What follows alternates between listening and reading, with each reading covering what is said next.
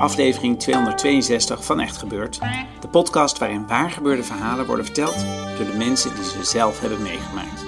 In deze aflevering een verhaal dat Erwin Wieringa vorige maand bij ons vertelde tijdens een verhalenmiddag met als thema Naar buiten.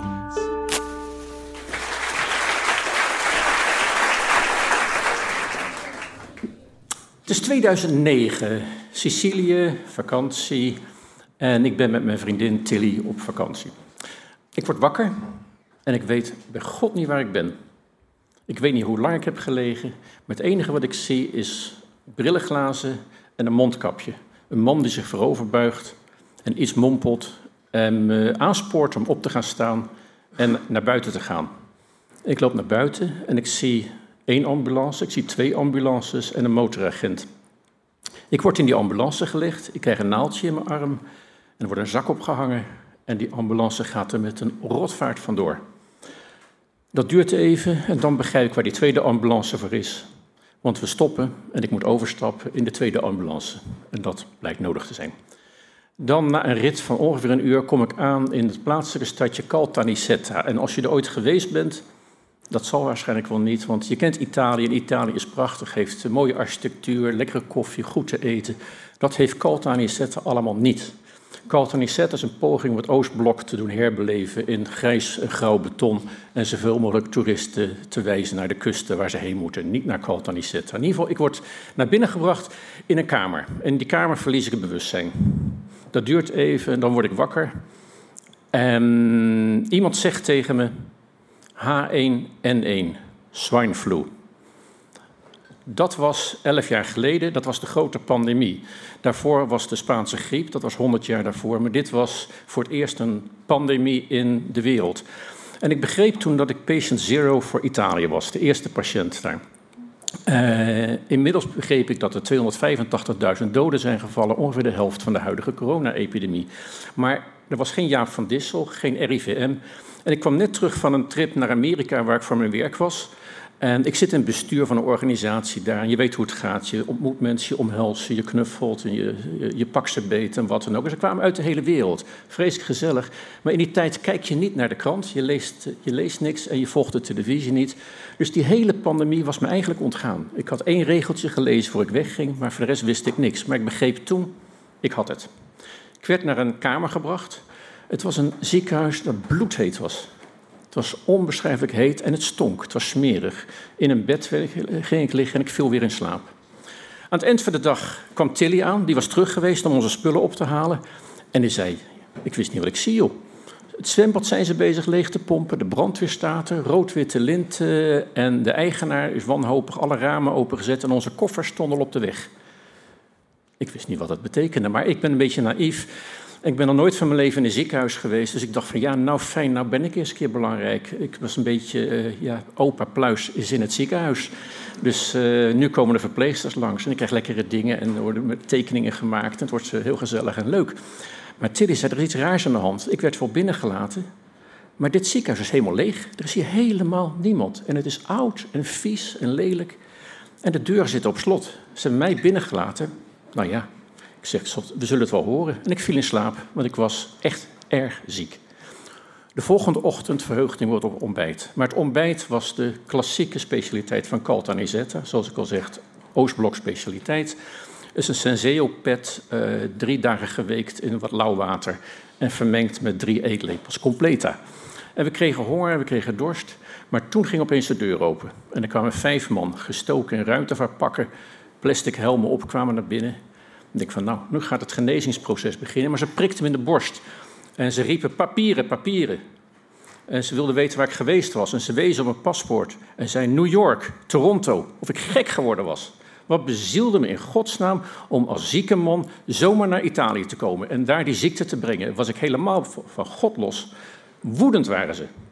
En over genezing, ha, dat kwam later wel. Ondertussen, ik ging weer in bed liggen. En Tilly keek me aan. Ik zeg, ja, wat gaan we doen? Maar Tilly is erg sociaal uh, gunstig aangelegen. Dus ze had ondertussen over de gangen gelopen en was een Algerijnse schoonmaker tegengekomen. En die zei van, nou, er zit daar een gat ergens daar in de, in de muur, in de hoek. Als je daar uitkruipt en je loopt om de hoek, daar is een pizzeria, hebben ze lekkere koffie en eten. Dus die ging eten halen. Dus uh, dat kwam wel goed. Ik had boeken bij me, ik ontspande, ik ging lezen. Ik denk, het wordt wel beter. Tilly beschikte ook over de Nokia 6310i. Dat is hartstikke fijn, want daar kan je Snake op spelen. En als je niks te doen hebt, en wat een boeken, maar dat kan je ook niet de hele dag blijven doen.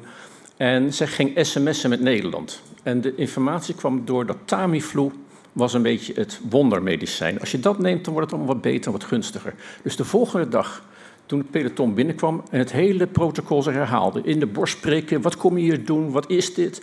Zei ze Tamiflu, can we have Tamiflu? Absoluut niet.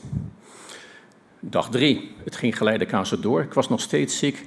Toen hadden we een kennis, een vriend in Nederland, Tiziano, en die is Italiaan. En ik van, nou, die gaan we bellen en dan kan die namens ons onderhandelen. Ik lag in bed en uh, we, we, over en weer ging het gesprek. En op een gegeven moment zei ik, Tiziano biedt ze 500 euro aan om mij die Tamiflu te geven. Dus Tiziano keurig zegt van, nou, voor 500 euro, et cetera arts ontplofte van woede. Wie denk jij, godverdomme wel, dat we zijn? Wij zijn artsen uit Rome en uit Napels. We zijn geen maffia. Waar denk je wel dat je bent? Sicilië soms? Ik dacht van wel. Eh, geen sprake van. Belachelijk. Aan het eind van de dag kwam er iemand langs met een doosje. Daarop stond Tamiflu. Ze kregen het wel. En het fijne was, soms medicijnen werken. Ik nam die pillen in en na één, twee dagen voelde ik me beter. Dus ik ging een plan maken om weg te gaan. Wanneer mogen we weg? Het werd genegeerd. Zelfde boosheid, steeds die artsen, boosheid, boosheid. Een week ging voorbij, acht dagen, negen dagen en nog steeds niet weg. En ondertussen had ik alles wel gezien wat er te zien was. Buiten heb je een verroest uh, supermarktkarretje, een omgevallen boom, wat, wat onkruid. Dus uh, ik heb de hoogtepunten van de Kaltanizet, had ik wat op me genomen. Ik was open voor nieuwe informatie. En ik voelde me goed. Toen zei ze tegen Tilly, ga in bed liggen. En Tilly had inmiddels een, een brancard geconfiskeerd waarop ze kon liggen. En zei, ga dan maar in een bed liggen, ook aan het infuus. We gaan jou nu behandelen, we gaan jou onderzoeken. En toen dacht ik opeens, ik werd echt bang. Ze, dit gaat niet goed. Dit gaat niet goed, er is geen plan. Diezelfde dag werd er iemand naar binnen gebracht. Um, die kende ik. Tenminste, die kende ik niet, maar ik werk met mensen met een verstandelijke beperking. En dit was iemand die iets meegemaakt heeft wat heel erg traumatisch voor hem geweest is. Hij huilde, hij schreeuwde, hij kon niet spreken. En hij sloeg zichzelf, hij zat onder de wonden. En hij werd bij mij op de kamer gelegd, in een leeg ziekenhuis. Ik ging naast hem zitten, naast die man. En ik probeerde hem gerust te stellen. Met een liedje zingen, voorlezen uit een boek. In het Nederlands, in het Engels. En ja, dus mensen worden er rustig van. Je moet ze niet aanraken, maar soms moet je wel even met iemand praten. En, maar de volgende ochtend, toen dachten we, we pakken onze spullen. En dan moet ik een klein zijstapje maken, want nogmaals, we wisten niks. En mijn dochter is arts, die zei van, hoe kon je zo stom zijn om gewoon maar weg te lopen terwijl je wist dat je besmettelijk was? Maar zoals ik gezegd, Jaap van Dissel was er niet. Het drong niet tot ons door. We waren in paniek, we waren bang, dus we gingen weg. Door het gat in de muur, Fiat 500 stond geparkeerd, snel de spullen erin, kwart over vijf morgens, wegwezen. Thelma en Louise op pad naar de kust. Twee uur rijden. Eerste uur bang en, en opgelucht zouden ze achter ons aankomen. Nou nee, dat toch ook niet. Op een gegeven ben je verder, je ontspant, drinkt een kopje koffie, neemt een ijsje. Denk van, mijn god, wat hebben we gedaan? We zijn vrij. Heerlijk hotel gevonden. Uitrusten, slapen, vakantie. En toen werd ik hartstikke ziek. Nog zieker dan ooit tevoren. Ik wist niet waar ik aan moest zoeken. En inmiddels wisten die Tamiflu moeten we nu hebben. Apotheken bellen, kijken. Nee, dat gaven ze niet, dat was er niet. Uit armoede ging toch maar weer naar een ziekenhuis aan de kust. In Augusta heette die plaats, geloof ik. Kom het ziekenhuis binnen, s'avonds laat, stampvolle wachtkamer. Ik met een t-shirt tegen mijn gezicht om me te beschermen. En nogmaals, ik zag het allemaal niet meer zo helder. En Tilly ging naar de balie. Achteraan aansluiten, achteraan aansluiten. Toen zei ze Tamiflu. Op dat moment gebeurde er heel veel. Er kwamen mensen binnen, die haalden alle mensen uit de wachtkamer weg.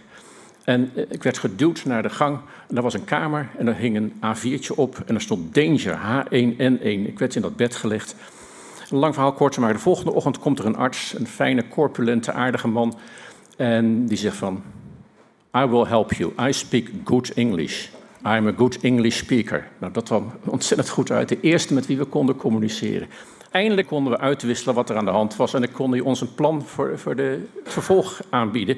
En dat was heel simpel. Hij zei van, dit is een politieke zaak. Je bent de eerste patiënt, wij gaan je niet helpen.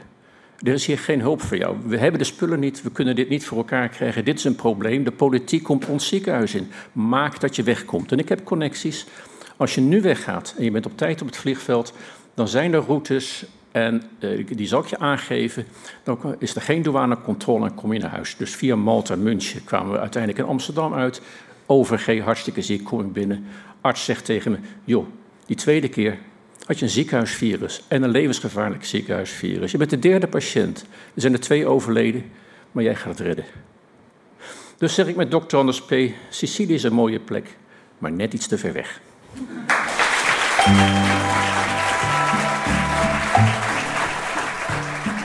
Dat was een verhaal van Erwin Wieringa. Hij vertelde het op 5 juli tijdens onze eerste verhalenmiddag na de coronasluiting. In het najaar hopen we weer nieuwe Echtgebeurd te kunnen organiseren in Comedy Club Toemlaar. Helaas kunnen er onder de huidige omstandigheden niet veel mensen bij zijn. Om op de hoogte te blijven wanneer er toch kaartjes vrijkomen, kun je ons volgen op Facebook, Twitter en Instagram. Of je kunt je inschrijven op onze nieuwsbrief via www.echtgebeurd.net. De redactie van Echt Gebeurd bestaat uit Paulien Cornelissen, Maarten Westerveen, Sanne Pols, Rosa van Toledo en mijzelf, Micha Bertheim. Productie Even Zwaving, zaaltechniek Jasper van Oorschot, podcast Gijsbert van der Wal. Dit was aflevering 262. Bedankt voor het luisteren. En voor die luisteraars die wel op vakantie willen, maar geen zin hebben in drukke terrassen met heel veel toeristen, je kan altijd nog uitwijken naar Caltanissetta.